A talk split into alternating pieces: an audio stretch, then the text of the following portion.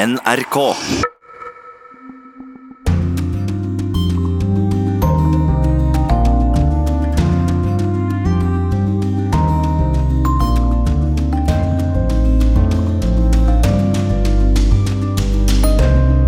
Velkommen til denne utgaven av Urix på lørdag. Her får du også podkasten Krig og fred, som er litt annerledes i dag. Vi skal selvfølgelig innom brevet, denne gang fra Anders Magnus. Men det blir også virus, riksrett, Putin, samfunnskritikk og pappaperm, så følg med videre. Vi begynner med koronaviruset. Kinesiske myndigheter innfører stadig nye tiltak for å forsøke å bremse spredningen. Fra i morgen blir det forbudt med private kjøretøyer i bykjernen i Juan, stedet der viruset først opptrådde. Lokale myndigheter i millionbyen opplyser også at situasjonen er alvorlig, og at lagrene av medisinsk utstyr snart er tomme. Samtidig ble meldt at 41 mennesker nå har mistet livet pga. sykdommen, og at det er identifisert omtrent 1300 smittede. Jeg har med meg smittevernekspert og overlege Preben Aavitsland. Det virker som dette nye virusutbruddet er mer alvorlig enn det vi trodde i begynnelsen. Er det det? Det er iallfall eh, mer utbredt enn de første uh, tallene tyder på. Så det er ikke tvil om at det er ganske mange hundre, kanskje tusener som er smitta i eh, Kina nå.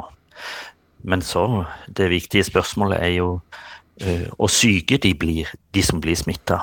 Er det mange som trenger sykehusbehandling, og er det mange som dør? Eller er sykdommen uh, stort sett nokså mild? Det må vi prøve å finne ut av nå framover.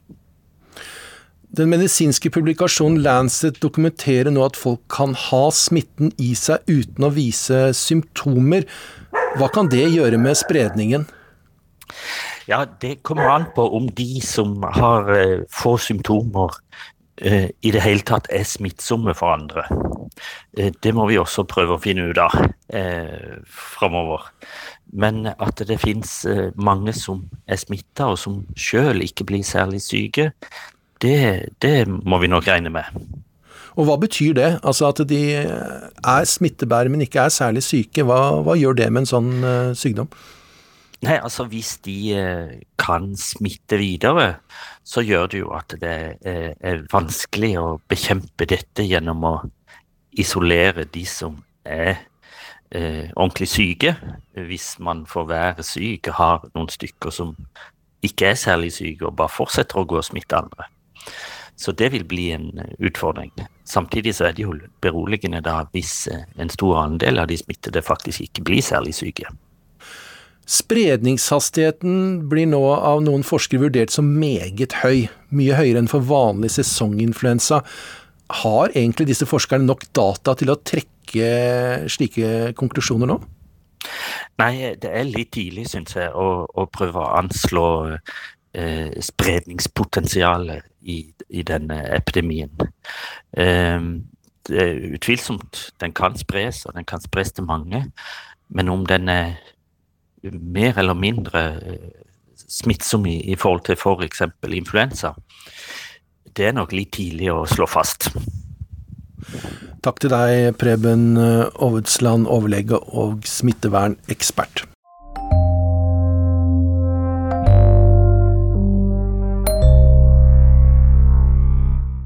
nå om riksrettprosessen som pågår i det amerikanske senatet. Jeg har med meg kollega Tove Bjørgaas. og Hvor er vi nå i prosessen, sånn kort fortalt? Ja, I natt, eller i, i, går kveld amerikansk tid, så avsluttet demokratene sin eh, prosess da, i denne saken som har pågått i tre dager. De kalte Trump for en diktator, for en som er farlig for landet. Og, og de, de, de, de, la fram saken for hvorfor de mener han bør avsettes. Og klokka eh, fire i ettermiddag norsk tid så begynner da forsvaret til Trump. Da skal de ha like lang tid til å legge fram saken. Så dette går nå ganske fort. Eh, og allerede mot slutten av neste uke så kan de på en måte være nokså ferdig med, med, med denne saken. Hvis det kommer eh, inn nye vitner og nye dokumenter, så tar det lengre tid, eller er tidsfristen den samme? Nei, Det som er det store spørsmålet nå, det er om det kommer til å bli noen nye vitner i det hele tatt. Dette eh, har jo vært kravet til demokratene. De ønsker bl.a. å føre Trumps eh, tidligere sikkerhetsrådgiver John Bolton som vitne, men det eh, skal det stemmes over når eh, forsvaret til Trump er ferdig med å legge frem saken. Og dette handler nå om tre, fire, fem eh, replikanske senatorer som fortsatt er litt i tenkeboksen om hvorvidt de mener eh, det er nødvendig med nye vitner. Eh, reglene for den, hvordan denne saken skulle føres har vært viktige.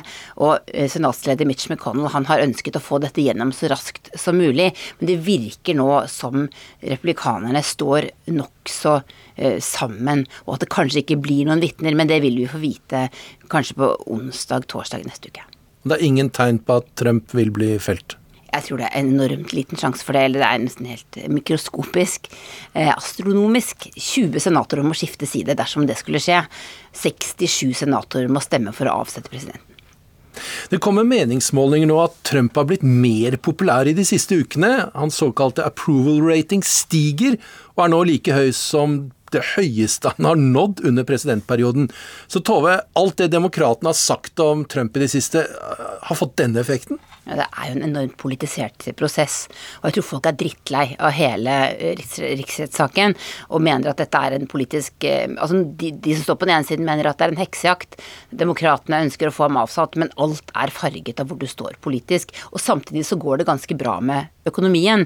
Og den denne siste målingen viser er at 44% av amerikanere mener Trump gjør en god jobb, men 54% mener han gjør en god jobb når det gjelder økonomien. Og det er jo den viktigste saken i forhold til hans gjenvalg. Hva tror du historien vil si om denne riksrettskampen fra demokratenes side?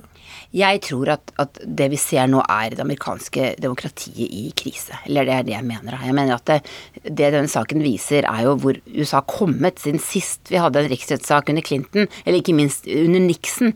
Den gangen så sendte jo Nixon frivillig sine medarbeidere eh, til Kongressen for å vitne. For det skulle man gjøre i en sånn prosess. Takk for det, Tove. Vi følger saken videre.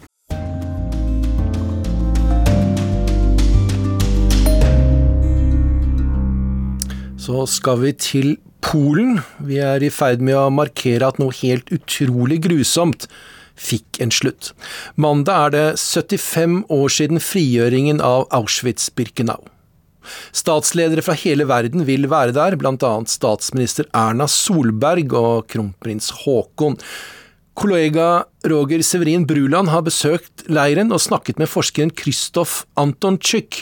Han arbeider med å finne identiteten til flere hundre tusen jøder som ble drept. We know uh, numbers of transports. We mostly know how many people they deported in each transport, day by day. We know the numbers that they were given to the prisoners, but we don't know most of names. NRK møter historikeren Kristoff Antonczyk ved arbeidsplassen hans i konsentrasjonsleiren Auschwitz. Arbeidet hans er et puslespill. For det har seg slik at de som ble sendt rett i gasskammeret ved ankomst, ikke ble registrert av SS. Det handler om rundt 900 000 personer. That not only they were killed physically, but also the identities were destroyed.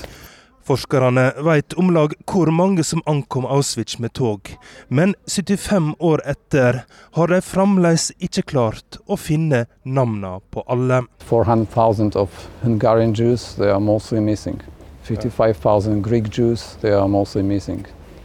300,000 of Polish Jews deported here, mostly missing. I 20 år har Kristoff arbeidet med å finne disse navnene ved å samarbeide med nasjonalarkivene i heimlandene til de drepne jødene. Men det er en krevende jobb. SS gjorde det de kunne for å ødelegge alle bevis om ugjerningene sine. Mye informasjon forsvant også inn i Stalins hemmelige arkiv i Moskva. Et arkiv som ikke var tilgjengelig for forskerne før etter murens fall. So we tried to build a story when this person arrived here, uh, from what transport, from what place, and what happened to this person. Kristoff forteller at det å identifisere et navneløst offer for holocaust, altså å finne navnet, er med på å gjenskape denne personen. Det gir han eller henne tilbake identiteten. En identitet som nazistene hadde forsøkt å slette fra verdenshistorien, forteller han til NRK. If you know the person by name, then it's like a first step for you symbolically to, to know this person.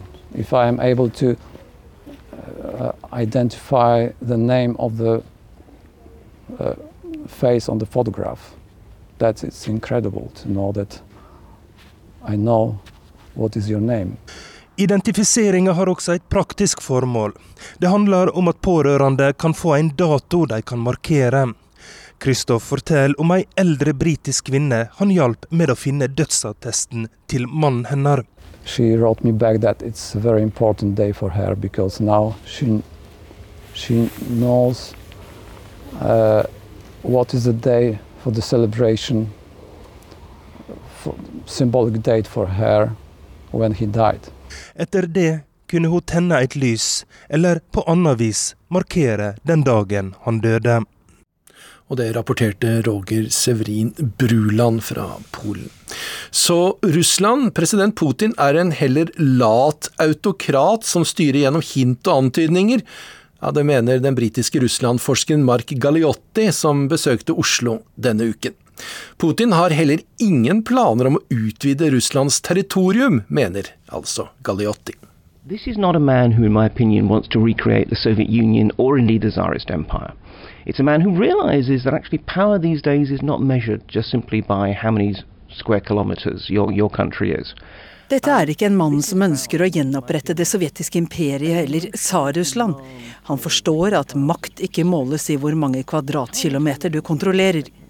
Det handler om et emosjonelt behov for respekt, sier Mark Galliotti.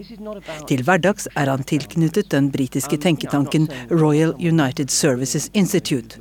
Nå aktuell med boka 'Vi må snakke om Putin'. Президент Российской Федерации Владимир Владимирович Путин. I over 20 år har Vladimir Putin styrt Russland som president eller som statsminister. Han har sentralisert landet, og han har annektert den ukrainske Krimhalvøya. Would he preferred to increase his empire? I don't see any grounds to sus suspect that Putin has territorial ambitions beyond Crimea. Crimea is an exception. Men Galeotti tror altså ikke at Putin har territorielle ambisjoner utover Krim. Krim er unntaket, og til og med liberale kritikere av Putin mener at halvøya i Svartehavet tilhører Russland. Russland må styrke stillingen som en av verdens ledende makter på havet, sier Putin her i forbindelse med en flåteøvelse i Svartehavet.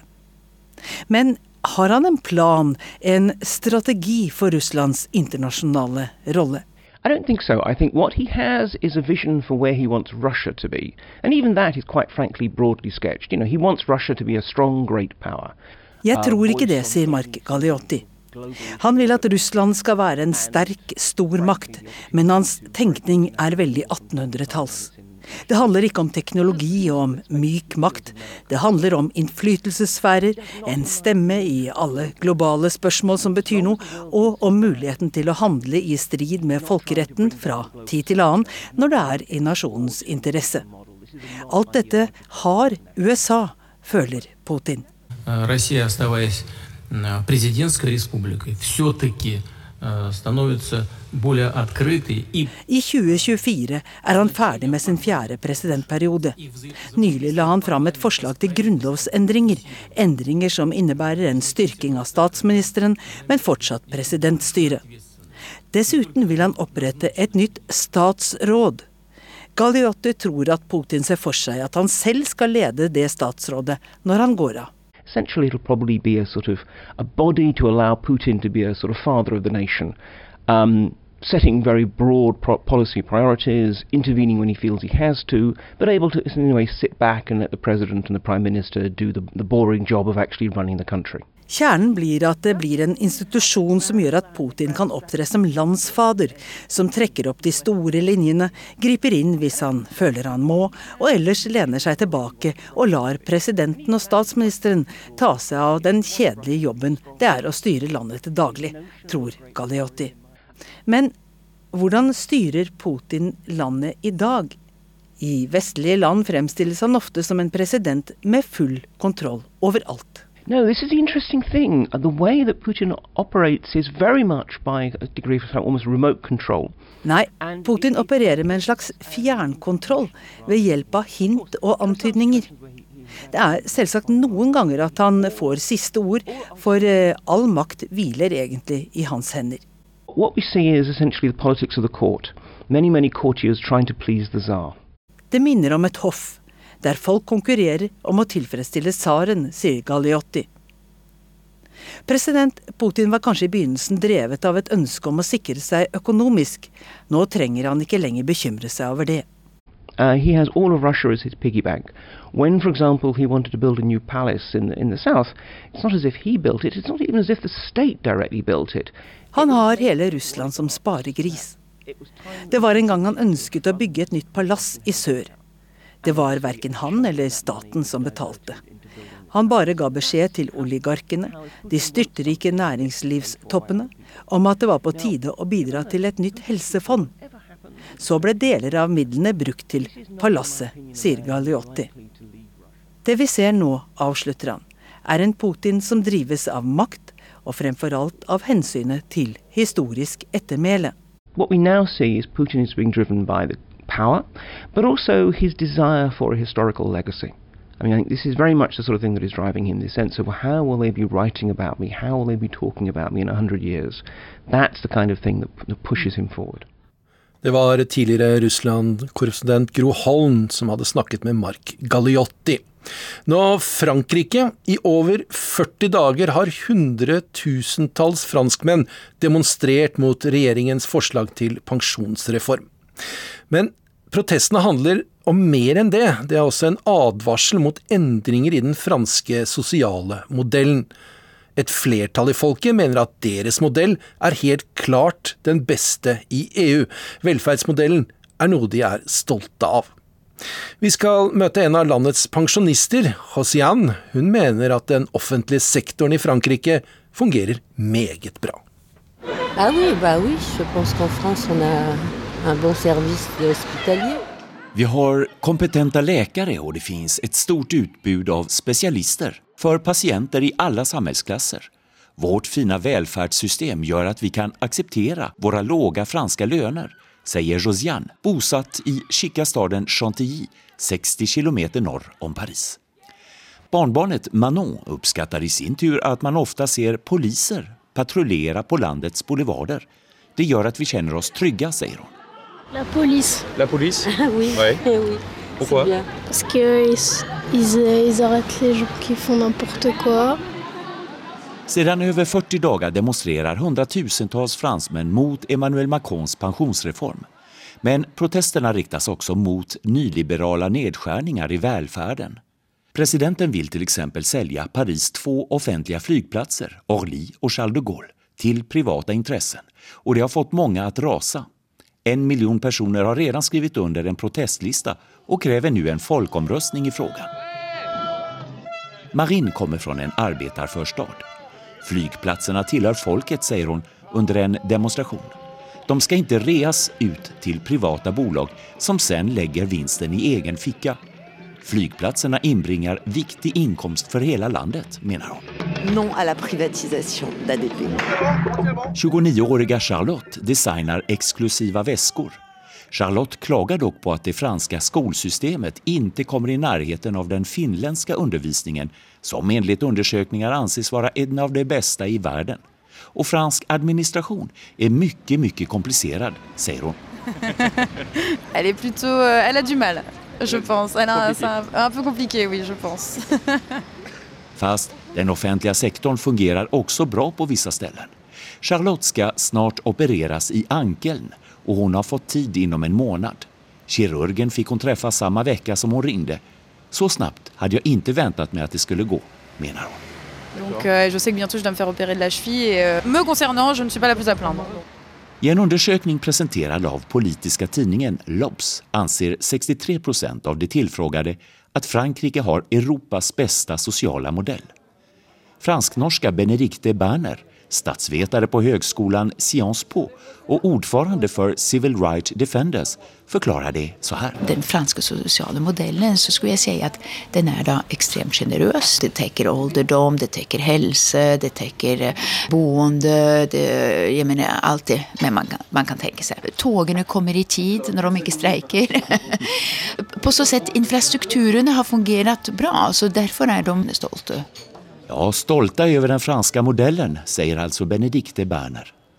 Modellen är en kompromiss mellan statliga intressen och marknadsliberala lösningar. Den antogs strax efter andra världskrigets slut.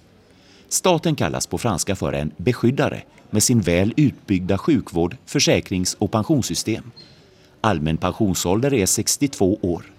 Och de franska pensionärerna löper minst risk i hela EU att bli fattiga, visar statistik från organet Eurostat. Men allt detta kostar, förklarar statsvetaren. Man kan ikke fortsette, der finnes det ikke penger. Så her gjelder det å hitte en bra balans. President Macron, som vill reformera pensionssystemet, hävdar att det kommer att minska statens utgifter. Men han har inte sagt hur många miljarder euro som skulle kunna sparas.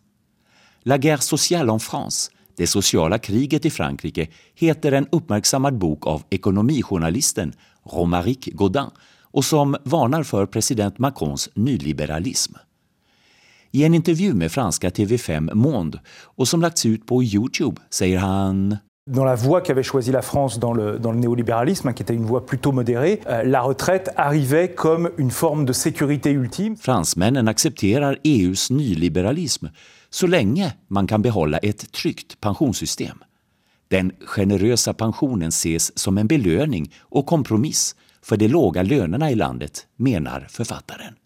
Romaric Godin forklarer at president Macron dock vil gå hardere fram enn tidligere presidenter. Löntagarna känner att det kan bli de stora förlorarna och därför är strejken så intensiv, menar han. Bah, L'idée que porte en fait Emmanuel Macron, c'est effectivement d'accélérer euh, les réformes néolibérales en France. Premiärminister Edouard Philippe vill nu dra tillbaka det mest omtvistade förslaget i pensionsreformen. Man ska inte längre behöva arbeta till 64 års ålder för att få full pension, vilket tidigare var ett krav. President Macron kallar erbjudandet för en konstruktiv och ansvarsfull kompromiss. Men det har inte övertygat och i dagarna har advokater, läkare, ballettdansörer och hamnarbetare intensifierat strejken. Går det då inte att reformera Frankrike? Frågar jag statsvetaren Benedikte Berner. Jeg tror absolutt at det er mulig, men man må forstå at pensjonssystemet er noe som oroer alle i Frankrike. Ja, Reportasjen fra Paris for Urix på lørdag, det er det du lytter til, var laget av Johan Tolgert. Nå Japan, der en mann som har blitt pappa for første gang, er ukens navn. Den 38 år gamle miljøvernministeren Shinjiro Koizumi har gjort noe så oppsiktsvekkende som å ta fri fra jobben for å være hjemme med sin nyfødte sønn. Det skaper debatt i et land kjent for et tøft arbeidsliv og ganske tradisjonelle kjønnsroller. Det forteller Tore Moland.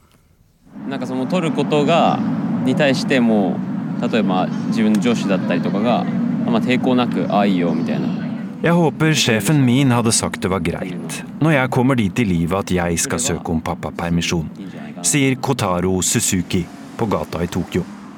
Den 22 år gamle studenten er en av mange som lurer på om en ny tid har kommet til Japan denne uka.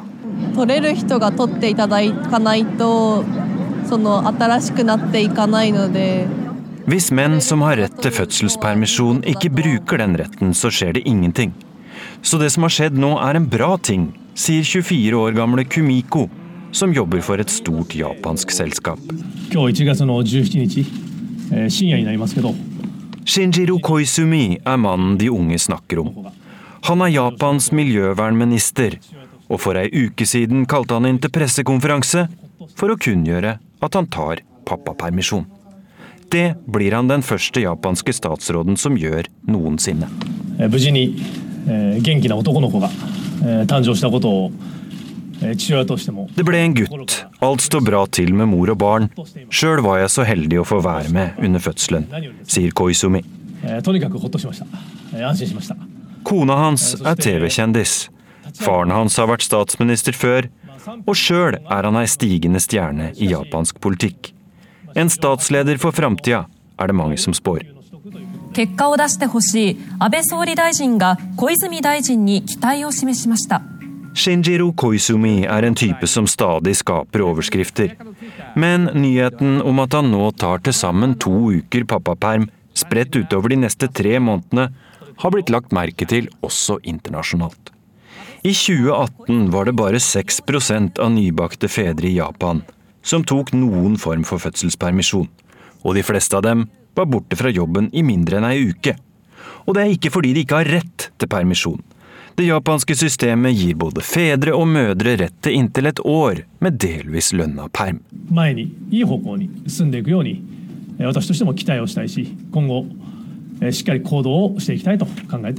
Jeg skjønner at jeg får kritikk ettersom dette ikke er så vanlig ennå, men jeg håper det kan endre seg, sier Koizumi til japanske medier. Onde tunger hevder at han tar pappapermisjon bare for å få oppmerksomhet og for å bli enda mer populær. Japan er verdenskjent for skyhøyt press i arbeidslivet. Men samtidig tar 82 av kvinnene fødselspermisjon.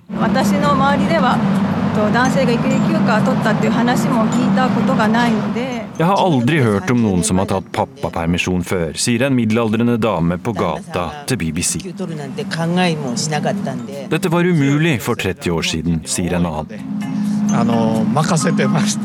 Ettersom japanske mødre er så flinke, så har vi overlatt det til dem, ler en eldre, velkledd mann.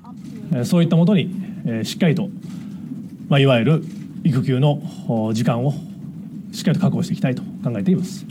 Tidligere har Shinjiro Koizumi kalt det japanske samfunnet både rigid og utdatert for sine holdninger. Men nå lover han at han skal holde tritt på jobben, med videomøter og via e-post.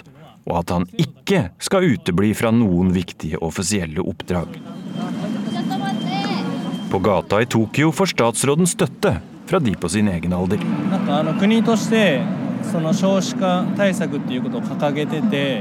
Vi sliter med lave fødselstall og må gjøre noe med hele stemningen rundt disse spørsmålene, sier en mann i 30-åra. At noen i en myndighetsposisjon går foran og viser vei, er bare helt fantastisk, istemmer en annen.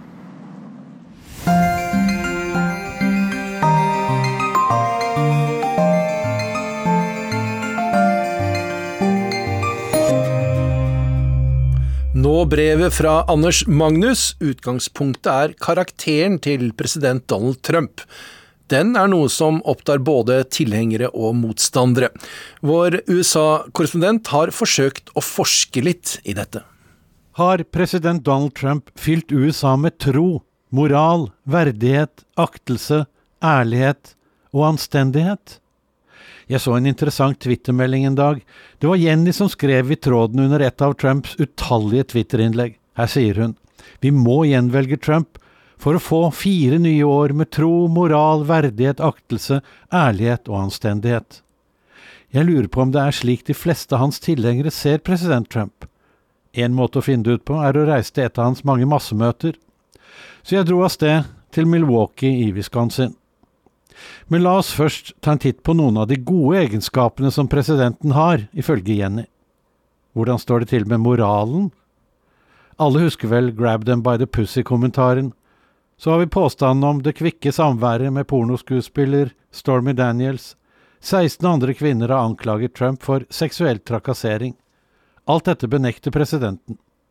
Når det gjelder forretningsmoral, har avisen The New York Times avslørt avanserte opplegg for skattesvindel. Trump har også en lang tradisjon med å ikke å betale for varer og tjenester, særlig fra mindre forretningsdrivende som ikke har råd til dyre advokater. Ærlighet, er det også noe Trump er kjent for? Washington Post sjekker hele tiden om presidenten holder seg til sannheten. Hittil har avisen funnet ut at han har kommet med usannheter eller sterkt misvisende utsagn over 16 000 ganger de siste tre årene. Antallet løgner har økt kraftig i fjor, og noen ganger lyver han helt åpenlyst. Som når han benekter å ha sagt noe på TV som alt er sendt på lufta, og som alle kunne se og høre at han sa. Når det gjelder anstendighet, så er det kanskje greit å omtale kvinner som feite svin, hunder, idioter og motbydelige krek, eller å kalle politiske motstandere uhederlige Hillary, løgneren Ted, feite Jerry, juksemakeren Obama, gale Bernie og skrikerungen Chuck. I Milwaukee sentrum møtte jeg fortau fylt med Trump-effekter til salgs. Caps, T-skjorter, sjal, varme luer og rosa gensere med påskriften 'Kvinner for Trump'. Selgerne kom helt fra Sør-Carolina og hadde kjørt det siste lange strekket natten før. De var trøtte, men fornøyde. Her gikk det unna med salget. Mange ville pynte seg med Trump, også svært mange kvinner. De rosa capsene og genserne var blant bestselgerne. Trump skulle komme til massemøte klokken 19 om kvelden, men allerede tidlig på morgenen var det tusenvis av folk i køen. Noen hadde etablert seg med gode vinterklær og tjukke tepper allerede kvelden før, for å komme først inn i salen. Men natta var kald, med snøvær og minusgrader. Jeg snakket med mange av dem som satt eller sto i køen. Alle var enig i at Trump hadde god moral, alltid snakket sant, og at han var en anstendig mann. Når jeg viste fram Jennys twittermelding til dem, så nikket jeg anerkjennende på hodet og sa det er akkurat slik han er, en perfekt beskrivelse. De fleste var svært hyggelige og imøtekommende, men da jeg utfordret dem med oversikten over Trumps tusenvis av løgner, med kvinnehistorier og stygge kommentarer, ble blikkene mørkere. Å påstå slikt om presidenten var bare fake news, og var ikke jeg egentlig en del av the enemy of the people, folkets fiende, som Trump pleier å kalle pressen? Ingen hadde noe ønske om å finne ut hvor jeg hadde slike opplysninger fra, om det kunne være noe i dem. De ville ikke høre noe galt om sin leder, her var de for å hylle ham, og ikke for at en presseslask som meg skulle knuse bildet av Trump. 10 000 glade Trump-tilhengere klarte å presse seg inn i salen og seteradene rundt, men det var flere igjen i køen. Mange måtte stå utenfor på plassen, i kulda og mørket, men med en varmende Trump på storskjerm. Likevel var det satt av god plass inne til oss, fienden av folket. Rundt halvparten av salens gulvareal gikk et sperrebånd for å skjerme journalistene og fotografene. Trump elsker TV-kameraene, slik når han jo fram til folket. Og så har han jo samtidig en gjeng syndebukker å hakke på. Hver gang Trump snakket om fake news og enemies of the people, vendte publikum seg mot oss, de buet og viste fingeren og knyttnevene mot pressefolkene. At de ikke stoler på vanlige medier, var ikke overraskende. Det har jo presidenten forklart dem at det ikke er noen grunn til men jeg ble veldig forundret da mange også avskrev den sterkt høyreorienterte og Trump-vennlige TV-kanalen Fox News som en del av fake news. De ville heller finne egne informasjonskanaler med skikkelige sannheter, dypt begravet på internettet. Under jubelropene fra publikum fikk jeg en følelse av at jeg ikke var på en politisk samling, men heller et religiøst vekkelsesmøte.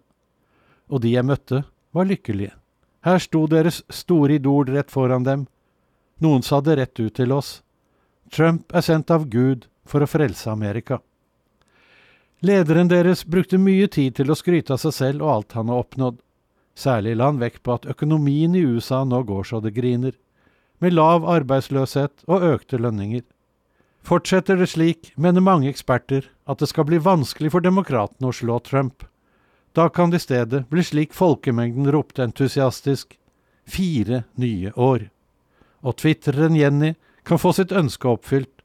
Fire nye år fylt med president Trumps tro, moral, verdighet, aktelse, ærlighet og anstendighet. Fortalte altså Anders Magnus. Så er det klart for ukens Krig og fred-podkast. Den tar oss med til Pakistan, hvor vi skal møte en ung norsk lege som hjelper til med virkelig storstilt helsereform, inspirert av Norge. Pakistan er et land med mange bånd til Norge. Og nå vil de visst også ha et helsevesen som ligner vårt. Men hvordan gjør man det i et land med 200 millioner innbyggere, der en sykdom som polio fortsatt sprer seg? Vi skal inn i det pakistanske helsedepartementet og høre om planene til cricketstjerna som er blitt statsminister. Du hører på Krig og fred med Tore Moland og Tove Bjørgaas.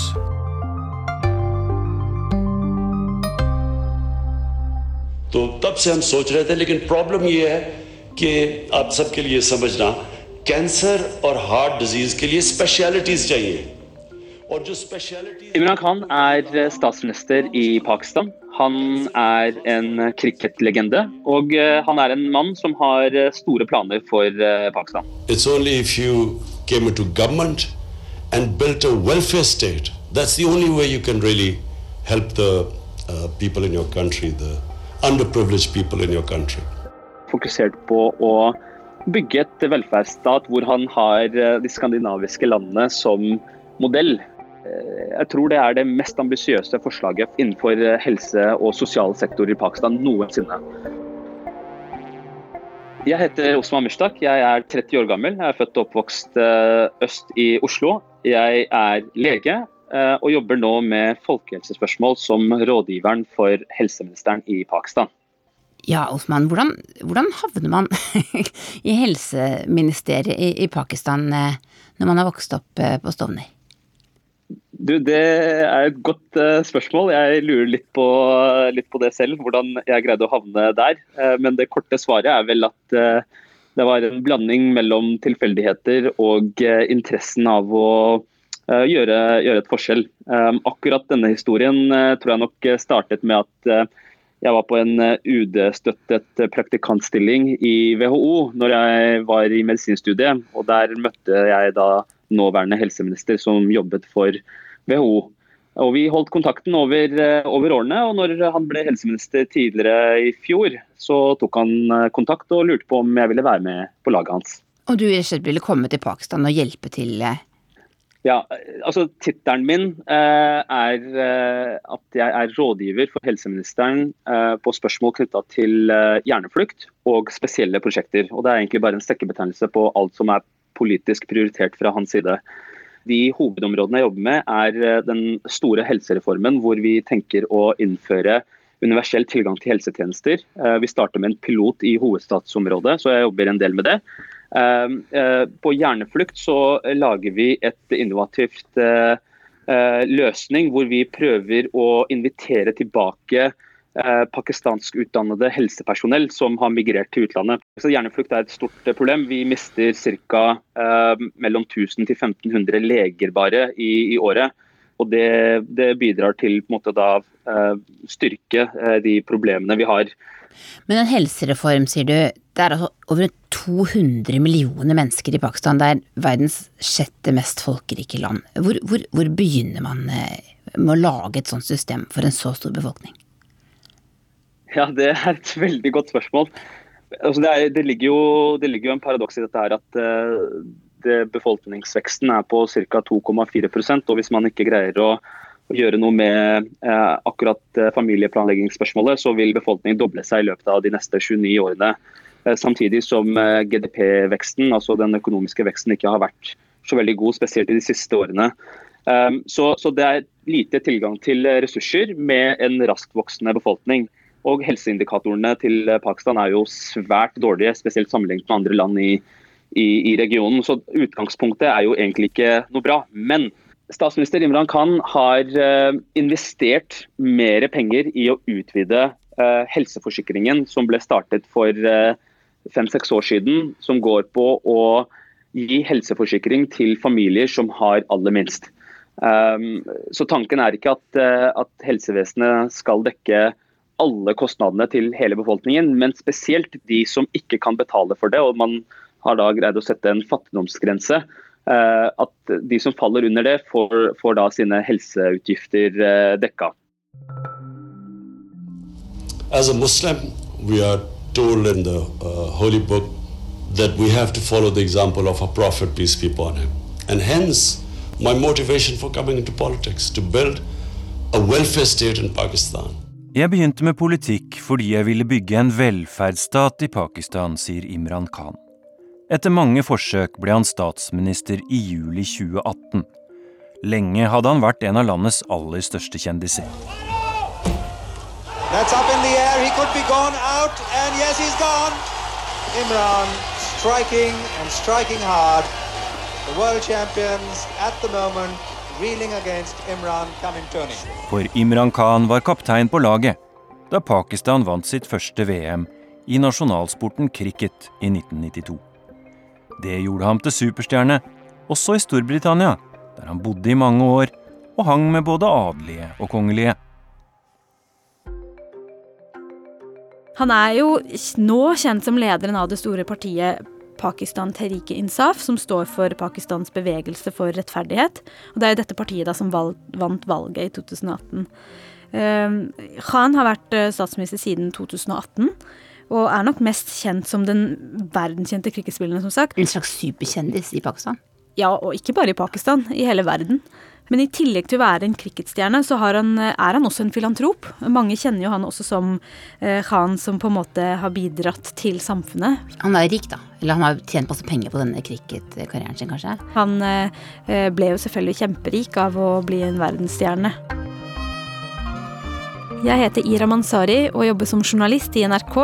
Jeg har foreldre fra Pakistan og er født i Pakistan, men vokst opp i Norge. Har du møtt ham? Ja. Du har det? Ja. Den første gangen var jo i rundt Jeg tror det var, det var på 90-tallet, da han kom til Norge nettopp for å samle inn penger til dette sykehuset som han eh, da var i gang med å etablere. Jeg husker ikke så mye fra det møtet utenom at jeg syntes han var litt kjekk. Hvor gammel var du da? Nei, jeg tror jeg var sånn seks-sju år. Uh, for han var jo så lys i huden, og i Pakistan så liker man jo gjerne at folk er lyse i huden. Det er jo det man, det det man blir lært opp til å like, da. Så jeg visste jo at han var en stjerne, men uh, jeg syntes han var kjekk, og så var han veldig hyggelig og hilste på meg, og så likte jeg at han håndhilste. Det var veldig fint, syns jeg. At han på en måte tok tak i hånden. For det er jo ikke alltid at uh, pakistanske menn gjør, da. Men han kom i hvert fall til Norge for å samle inn penger? Ja.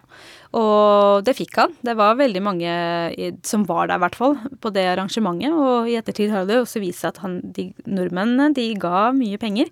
For de trodde på han, og de eh, visste at han var en person som ville bidra i samfunnet, som, og hvor pengene ville faktisk eh, ja, eh, føre til at folk skulle få hjelp.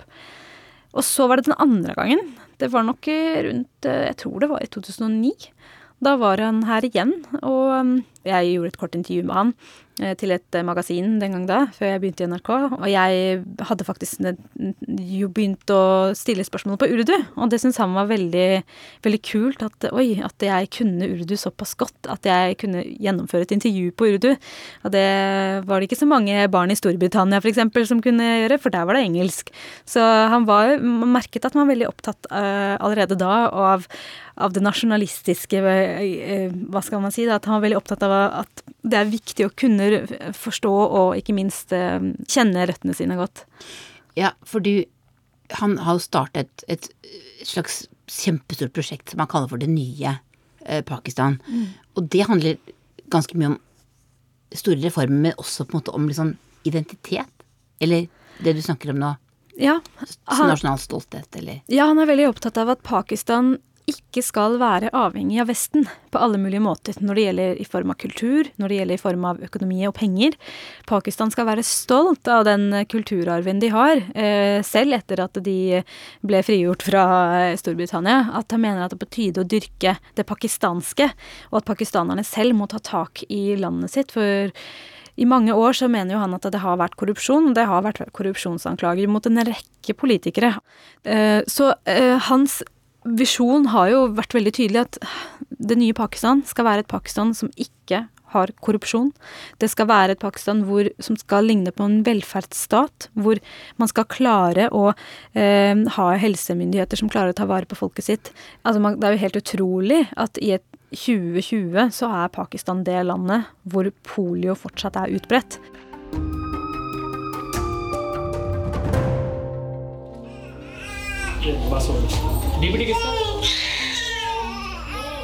Barn på en klinikk på landsbygda i Pakistan får poliovaksine. Men det er det ikke alle som får, for polio sprer seg fortsatt her. Pakistan er ett av bare tre land i verden som fortsatt har en polioepidemi. De andre er nabolandet Afghanistan og Nigeria. Også på flere andre helsestatistikker ligger Pakistan i feil ende. Ett av elleve barn dør før de har fylt fem år. Jeg føler at uh, hver gang man uh, går uh, og ser på et problem, så, så ligger Pakistan dårlig an, eller at det er, det er, på, det er på, feil vei. Et godt eksempel på det er hepatitt C og hiv og aids, som da blir smitta gjennom altså det er blodsmitte. Pakistan har nå ca det man antar er ca. 10% smitte i befolkningen. Det vil si at Hvis du plukker ut 100 personer, så vil 10 av de være smitta med hepatitt C. Ehm, hepatitt C er en eh, sykdom hvor vi har veldig effektiv behandling for. Eh, og det er mulig å unngå smitte hvis man gjør de riktige tingene. Hovedproblemet med f.eks. hepatitt C da, er jo at eh, smitte foregår som regel ved at man bruker nåler på nytt. Og det er spesielt innenfor det uregulerte helsesystemet at det skjer. Du snakker også om det er også problemer med, med underernæring?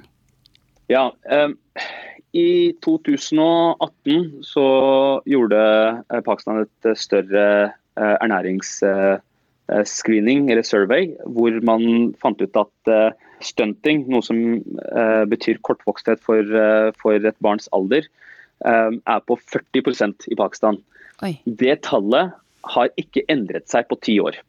Stunting er ganske ødeleggende for et barn, fordi barn som er Eh, underernærte, altså feilernærte, de har et eh, liv foran seg som er vanskeligere enn barn som ikke er det. og Det kommer i form av at skoleresultatene er dårlige, også i form av at eh, barn som har vært underernærte, har større sannsynlighet til å tilegne seg livsstilssykdommer. Jeg blir veldig nysgjerrig, Osman, når du forteller om alt det du står oppi nå av, av, veldig store oppgaver i et land som du altså ikke har vokst opp i, for du er født i Norge, eh, men, men, som du nå har reist i for å jobbe, som vel på en måte er kanskje ditt andre hjemland. Hvordan, hvordan, opplever du, hvordan har du opplevd å, å komme dit sånn rent personlig? Første uken husker jeg veldig godt. Eh, så så mistet jeg litt sånn nattesøvnen da, når, når, jeg fikk innblikk i hvor store og komplekse problemstillingene var, og hvor viktig arbeidet vårt var i det. Eh, så da tenkte jeg ikke sant, hvert eneste time jeg bruker på å ikke jobbe, eh, fører til at, eh, at ingenting skjer. Det første som slo meg, var at det er enormt stor kulturforskjell på måten man arbeider på i Pakistan versus det man gjør i Norge. Dette er jo en mannsdominert samfunn. så Eh, jeg stusset jo litt over, eh, i hvert fall mine første månedene, over at eh, vi satt der bare menn og diskuterte spørsmål som var svært viktige også for kvinner. altså Spørsmål knyttet til seksuelle reproduktive helsetjenester. Og alle var egentlig helt komfortable med at det var på en måte ingen kvinner til stede. Rup ya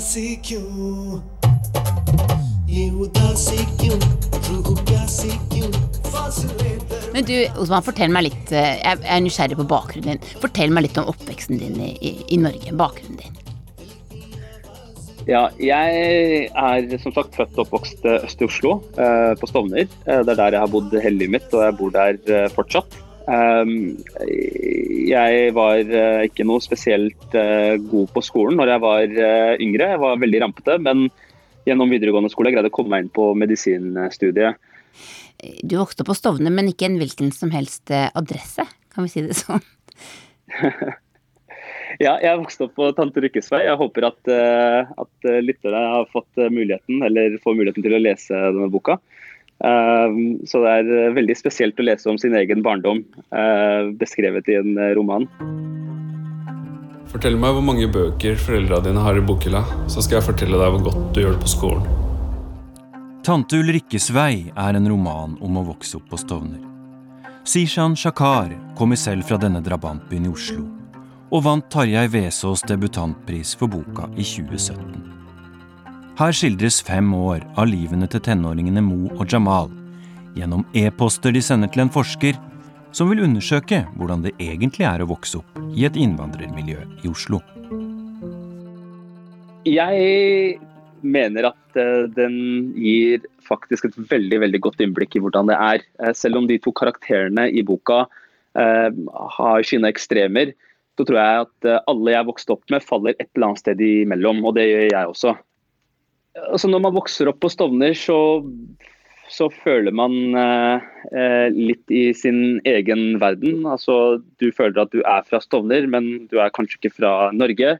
Eh, altså for eksempel, jeg hadde jo ikke vært eh, i Oslo vest veldig mye før jeg starta universitetet. Jeg kan telle på fingrene mine hvor mange ganger jeg hadde vært på eh, Aker Brygge, og skjønte heller ikke verden utenfor det med at eh, foreldrene våre eh, tok oss med til Pakistan på sommerferier en gang iblant. Så mens jeg var i medisinstudiet, så fikk jeg muligheten til å jobbe internasjonalt. Og jeg bestemte meg etter 22.07 å melde meg inn i et politisk parti som jeg syns sto meg nære. Det var Arbeiderpartiet, og ble da også politisk aktiv. Så eh, Siste året av medisinstudiet så, så, fikk jeg også muligheten til å jobbe som politisk rådgiver for Jonas Gahr Støre i et halvt år. Hadde du tenkt at du skulle ende opp med å jobbe i Pakistan? Nei, er vel det korte svaret. Jeg hadde jo ingen planer om det. Så når jeg fikk denne e-posten fra uh, helseministeren uh, tidligere i fjor, så kom det som en lyn fra klar himmel. Hva tenker du du kommer til å gjøre med karrieren din eller livet ditt, det du opplever nå?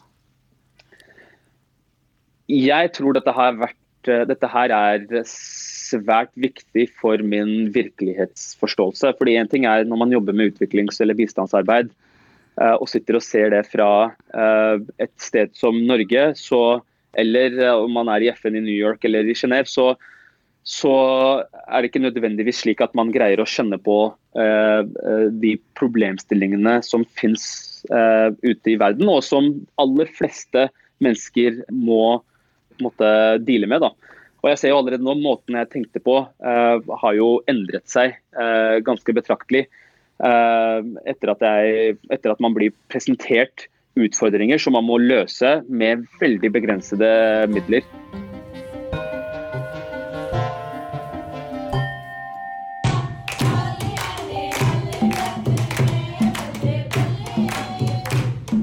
Iram, du har akkurat uh, gifta deg, du. For bare noen uker siden så gifta du deg i Pakistan. Ja. Eh, jeg hadde jo alltid ønsket meg også å gifte meg i Pakistan når det gjelder å ha festene der, i hvert fall. Fordi det, ting er mye større, finere, det er mye mer fargerikt. Og ja, ting er litt mer på stell da, når det gjelder i hvert fall eh, bryllupsplanlegging. Du nevnte for meg at du, du merket at det har skjedd noe med eh, økonomien i Pakistan når du planla dette bryllupet. Ja, eh, ting er jo blitt dyrere. Eh, mange, Hvor enn jeg dro, så merket jeg jo alt fra liksom klærne jeg kjøpte til, til eh, ja, alt utstyret til festene og sånt. Alt er blitt dyrere, og det, alle de som driver butikker eller næringer, sier at det skyldes fordi at det er blitt innført mer skatt. Common people pay taxes because most of our taxes come from indirect taxes. The rich hardly pay taxes. So the whole mindset has to change. We cannot allow this unfair, unjust system to continue. Er det statsminister Imran Khan som har innført høyere skatter? Det har jo vært et regjeringsskifte i 2018, eh, og der har eh, den sittende regjeringen bestemt at eh, nå skal de få inn mer skatt fra befolkningen. Det er jo sånn at i Pakistan så har, er det ikke alle som har betalt skatt eh, i alle år. Det er ganske få, faktisk. Ja, det var snakk om 0,5% som har betalt skatt. 0,5 av hele befolkningen? Ja, og hvis det stemmer, så er det et uh, tall som er veldig lavt når vi vet at landet består av 200 millioner mennesker. Hvordan er det mulig? Ifølge den sittende regjeringen er jo det pga. korrupsjon. Eh, og pga. at de politikerne som har sittet på makten, har rett og slett spist av folks penger. De har brukt dem feil. De har eh, eh, gjemt dem av gårde i ulike Altså med tanke på Panama-saken.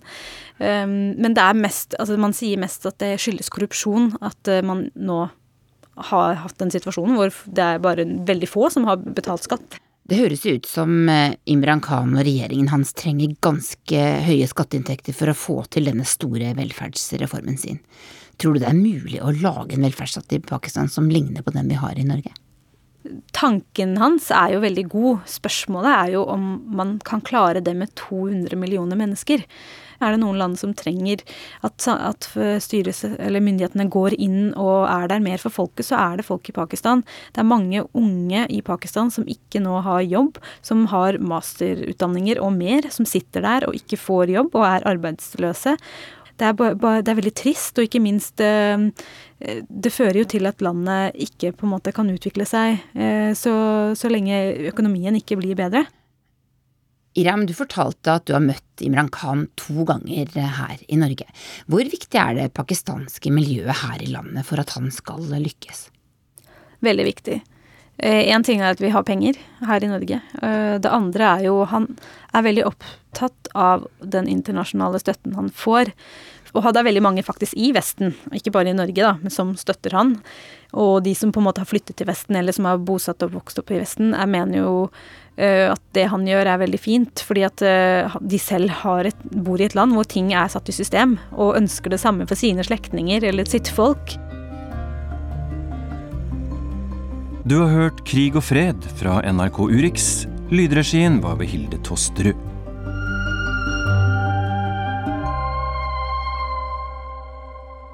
Og med det er Urix på lørdag over. Teknisk ansvarlig var Eli Kyrkjebø. Produsent Elise Kvien. Og i studio satt jeg, Halvard Sandberg.